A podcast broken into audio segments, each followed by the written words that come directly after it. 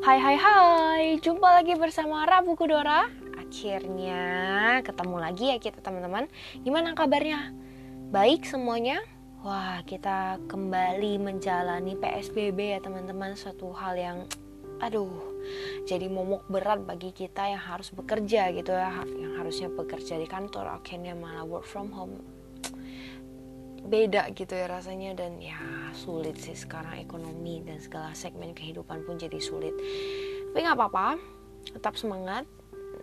Aku tahu kamu mampu melalui ini semua dengan baik hanya kuatkan dan teguhkanlah dirimu oke? Semangat ya. Nah kali ini kita akan membahas buku yang sama tetap Lady in Waiting namun babnya bab ketujuh dengan judul wanita yang memiliki rasa aman Wow, rasa aman. Kenapa penting memiliki rasa aman bagi seorang wanita? Hmm, kita mulai ya. Teman-teman pernah gak sih mengejar pria-pria yang terlihat well packaged? Tapi akhirnya yang kita dapatkan hanyalah kecewa dan sakit hati. Pernah nggak? Mungkin pernah, mungkin nggak ya gitu ya. Nah, teman-teman coba kita lihat seorang Ruth. Dia masih muda, tapi dia punya satu beban. Bebannya apa? Dia janda. Wow, kayak masih muda dan menjanda gitu ya. Dia pasti rindu yang namanya sosok suami yang mengayomi dan memberi kehangatan baginya. Tapi yang Ruth lakukan ialah mengerjakan bagiannya dengan benar. Apa bagiannya? Menjadi menantu yang baik bagi Naomi. Dan dia bekerja menghidupi dirinya sendiri bahkan juga Naomi. Untuk apa? Untuk memuliakan nama Tuhan. Wow, satu hal yang luar biasa. Bahkan dia juga duduk tenang menanti Tuhan membawakan pasangannya. Dia nggak sibuk tuh. Aduh ini hari ini gue masih pakai baju apa ya supaya di, menarik perhatian pria-pria di sekitar gue gitu. Enggak teman-teman. Dia nggak sibuk berburu pria. Nah itu yang namanya wanita yang memiliki rasa aman. Kenapa sih wanita itu cenderung mengejar laki-laki? Jawabannya satu, karena dia nggak aman dia nggak ada safety dia nggak dia nggak ngerasa aman gitu loh teman-teman. Wanita yang nggak aman dunianya itu berpusat pada sesuatu atau seseorang yang bisa hilang sewaktu-waktu atau bisa diambil sewaktu-waktu. Rasa tidak aman membuat kita bergantung pada sebuah hubungan Rasa tidak aman membuat kita bergantung pada sebuah hubungan, dan rasa tidak aman membuat kita cemburu berlebihan, bertengkar berlebihan, sensitif berlebihan, posesif berlebihan, terancam berlebihan. Padahal ya aduh teman-teman, faktanya adalah hanya Allah yang dapat menyediakan rasa aman yang sejati. Kamu mau jaga segimana jaga 24/7 kamu jaga pun kalau kamu nggak punya rasa aman, kamu akan tetap curiga, kamu akan tetap cemburu, kamu akan tetap sensitif. Karena ada ruang kosong di hatimu yang tidak dipenuhi oleh Yesus. Hmm. Sadarlah teman-teman, rasa tidak aman dapat membuatmu memiliki banyak tuntutan dan harapan yang sama sekali tidak realistis. Kamu mampu menghalalkan segala cara, itu yang gak realistis. Yang ada hubungan relasi itu menjadi hubungan frustasi dan kekhawatiran. Aku gak bisa dor hidup tanpa dia gak bisa dor. Hello teman-teman, ayolah make sense dikit dong. Teman-teman, kita diberi pilihan oleh Allah. Rencana dia atau rencana kita. Mengapa wanita merasa kalau harus mengejar pria? Satu, itu karena mereka memilih rencana mereka sendiri dan mengabaikan rencana Allah. Karena menurutnya, aduh ini udah lama banget nih aku nanti-nanti kok Tuhan gak, nggak kasih aku pasangan yang seperti aku mau ya. Oke, mulai sekarang aku yang akan cari pasangan yang seperti yang aku mau karena Tuhan gak bakal kirim pasangan yang tepat seperti yang aku mau nih. Aku gawat nih kondisinya gitu ya. Jadi aku harus ambil langkah cepat dan sigap. Aduh teman-teman, Serahkanlah bebanmu yang mengerikan, beban karena selalu menuntut kehidupan sesuai dengan syarat-syaratmu kepada Tuhan. Jangan sampai kelak ketika kamu menoleh ke belakang dan menyesal karena kamu membuat keputusan tentang teman hidup dengan sudut pandangmu yang terbatas. Teman-teman, kacamatamu begitu beda dengan kacamata Allah. Aku ulangi ya, kacamatamu begitu beda dengan kacamata Allah. Teman-teman, kasih yang aman itu seperti apa sih? Seperti kasih seorang ayah terhadap gadis kecilnya. Namun uh, ironinya ya saat ini banyak sekali wanita bunda yang tidak memiliki ayah yang sesuai dengan rancangan Allah. Kebutuhan akan kasih sa kasih sayang seorang ayah yang diberikan oleh Allah ini menyebabkan ada satu kekurangan dalam hidup mereka.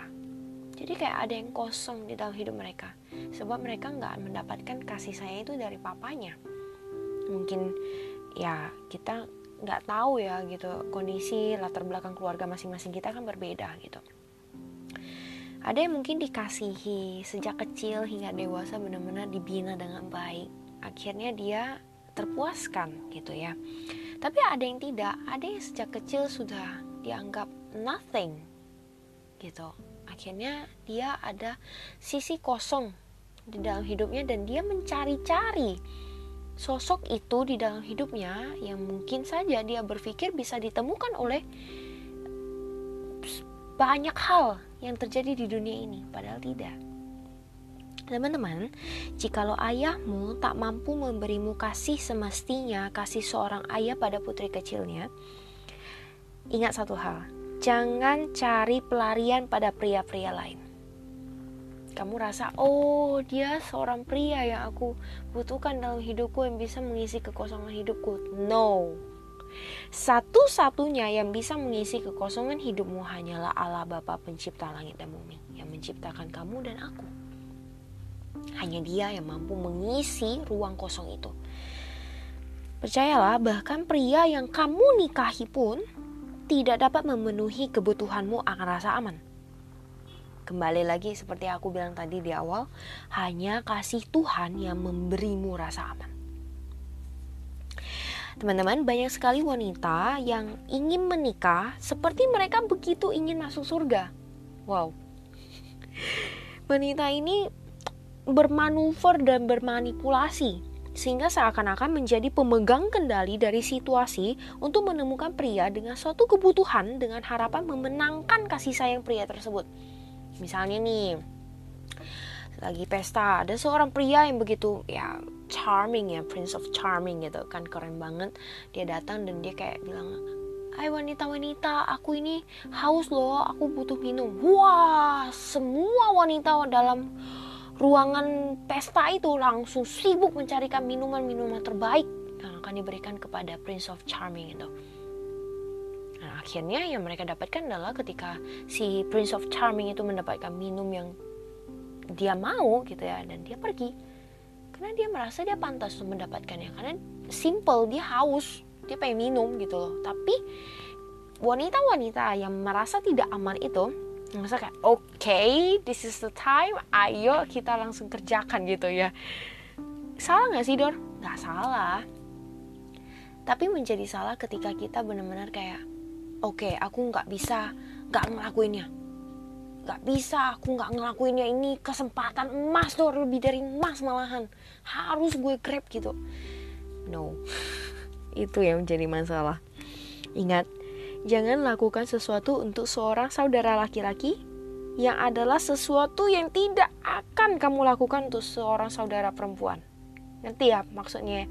Jangan kamu ngelakuin sesuatu hal yang tidak kamu mau lakukan kepada saudara perempuanmu, tapi kamu lakukan kepada saudara laki-laki. Izinkanlah Tuhan menggunakanmu menjadi alatnya untuk melayani saudara laki-laki maupun perempuan setara, sama banyak, sama rata, tanpa motivasi tersembunyi.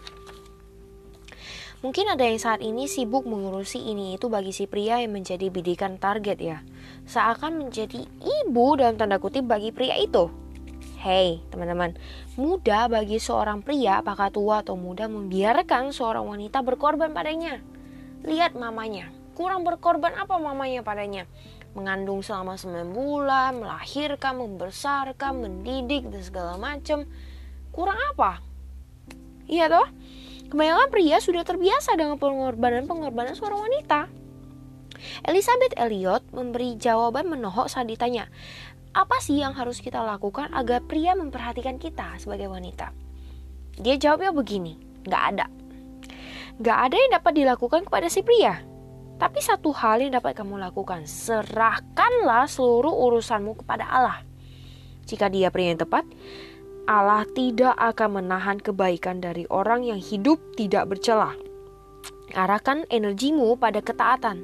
Tuhan tak perlu pertolongan atau nasihat darimu. Teman-teman, ayo kita periksa motivasi kita yuk. Seorang wanita dengan mental yang memiliki motivasi mementingkan diri sendiri merencanakan manuver berikutnya untuk menangkap perhatian pria impiannya. Dia akan bermanuver, bermanuver, bermanuver terus menerus, terus menerus, terus menerus. Ayo, sekarang misalnya kamu lagi lagi ada PDKT nih. Nah, sebelum ngedate dengan si PDKT ini, cek dulu nih motivasi hatimu gitu ya kamu harus tahu ini. Dengan memeriksa motivasimu di awal, kamu sudah menyelamatkan dirimu dari banyak air mata dan frustasi yang menanti di depan mata jika kamu salah langkah. Manipulasi dan manuver itu amat berbahaya, teman-teman. Sekali saja kamu bermanipulasi, akan diikuti oleh bermacam-macam manuver untuk menjaganya tetap menjadi milikmu, yang akhirnya bisa saja membuatmu menghalalkan segala cara yang bahkan tampak tak masuk akal. Bahaya gak sih? Bahaya banget. Kamu mampu melakukan segala sesuatu yang bahkan orang lain gak mikir bahkan kamu bisa melakukan itu aduh aku gak pikir loh si Dora itu bakal kayak gitu jadinya sekarang itu bahayanya manipulasi dan manuver maka dari itu jauhilah manipulasi dan manuver. Tapi percayakanlah pada Bapa, sebab Bapa melihat segala sudut pandang baik di masa sekarang ataupun di masa yang akan datang. Letakkanlah rasa amanmu di dalam Kristus, teman-teman. Minta Dia pegang kunci hati dan emosimu sampai tepat di waktunya Bapa, bukan waktunya kita. Dan akhir kata, teman-teman, tempatkanlah Bapa di posisi terutama dalam hidupmu. Ada yang tertulis, carilah dahulu kerajaan Allah dan kebenarannya, maka semua akan ditambahkan kepadamu. Teman-teman, kenalilah Bapa sebelum kamu mengenali pria single. Selidikilah kebenaran Bapa lebih-lebih daripada kamu stalking sang pria single. Dan bersandarlah pada kasihnya, bukan menggantungkan hidupmu pada sang pria single yang belum tentu memikirkanmu. Ada sebuah puisi yang ditulis oleh penulis buku ini ya, eh, puisi singkat. Dan cukup menegur kita semua. Belajar duduk tenang bukan hal yang mudah. Beristirahat dalam kehendaknya. Satu keputusan yang besar. Yakin untuk berdiam dengan Bapa di sampingku. Menolak manipulasi. Menantikan hanya ketetapan-ketetapannya. Teman-teman, jadilah wanita yang memiliki rasa aman karena Kristuslah yang mengisi tempat pertama di dalam hidupmu. Oke, okay, begitulah isi dari bab 7 dengan judul wanita yang memiliki rasa aman. Kerjakanlah bagianmu sebaik-baiknya selama kamu hidup di dunia ini. Apa yang kamu bisa gali, potensi dirimu gali itu teman-teman Jangan hanya habiskan waktumu untuk mencari, berburu, mencari, berburu pria yang tepat dalam versimu. Justru kamu harus jadi versi terbaik dari dirimu. Bukan untuk mengattract atau menarik perhatian dari si lawan jenis, tapi sungguh-sungguh untuk memuliakan nama Tuhan penciptamu. Sebab kamu ini mulia teman-teman, kamu ini berharga. Jangan sia-siakan hidupmu hanya untuk cinta yang tampak semu. Tampaknya uh, apa? indah. Lalu akhirnya kamu mendewakan segala sesu segala sesuatu gitu ya untuk mendapatkan itu. Dan akhirnya kayak kamu kayak nggak aman rasanya kalau nggak ada pasangan. No teman-teman kamu berharga, kamu mulia, kerjakanlah hidupmu sebaik-baiknya, bertanggung jawablah atas hidupmu kepada Tuhan yang menciptakanmu. Oke? Okay? Ha, sedemikian jauh pembahasan kita di bab 7 ini. Teman-teman, sehat selalu, semangat selalu, dan aku minta maaf jika lo selama pembahasan kita, eh pembahasan udah kayak dosen aja aku ya. selama uh, pengupasan, ya kulit jeruk jadinya. selama apa? Uh, podcast di bab 7 ini ada kata-kata yang menyinggung hatimu atau melukai hatimu atau tidak berkenan kepadamu, aku minta maaf.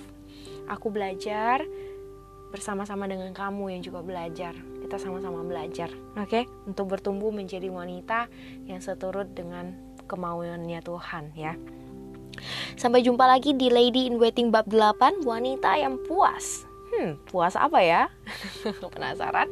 Sampai jumpa ya di Lady in Waiting bab 8, teman-teman. Stay safe, stay healthy. God bless you. Bye.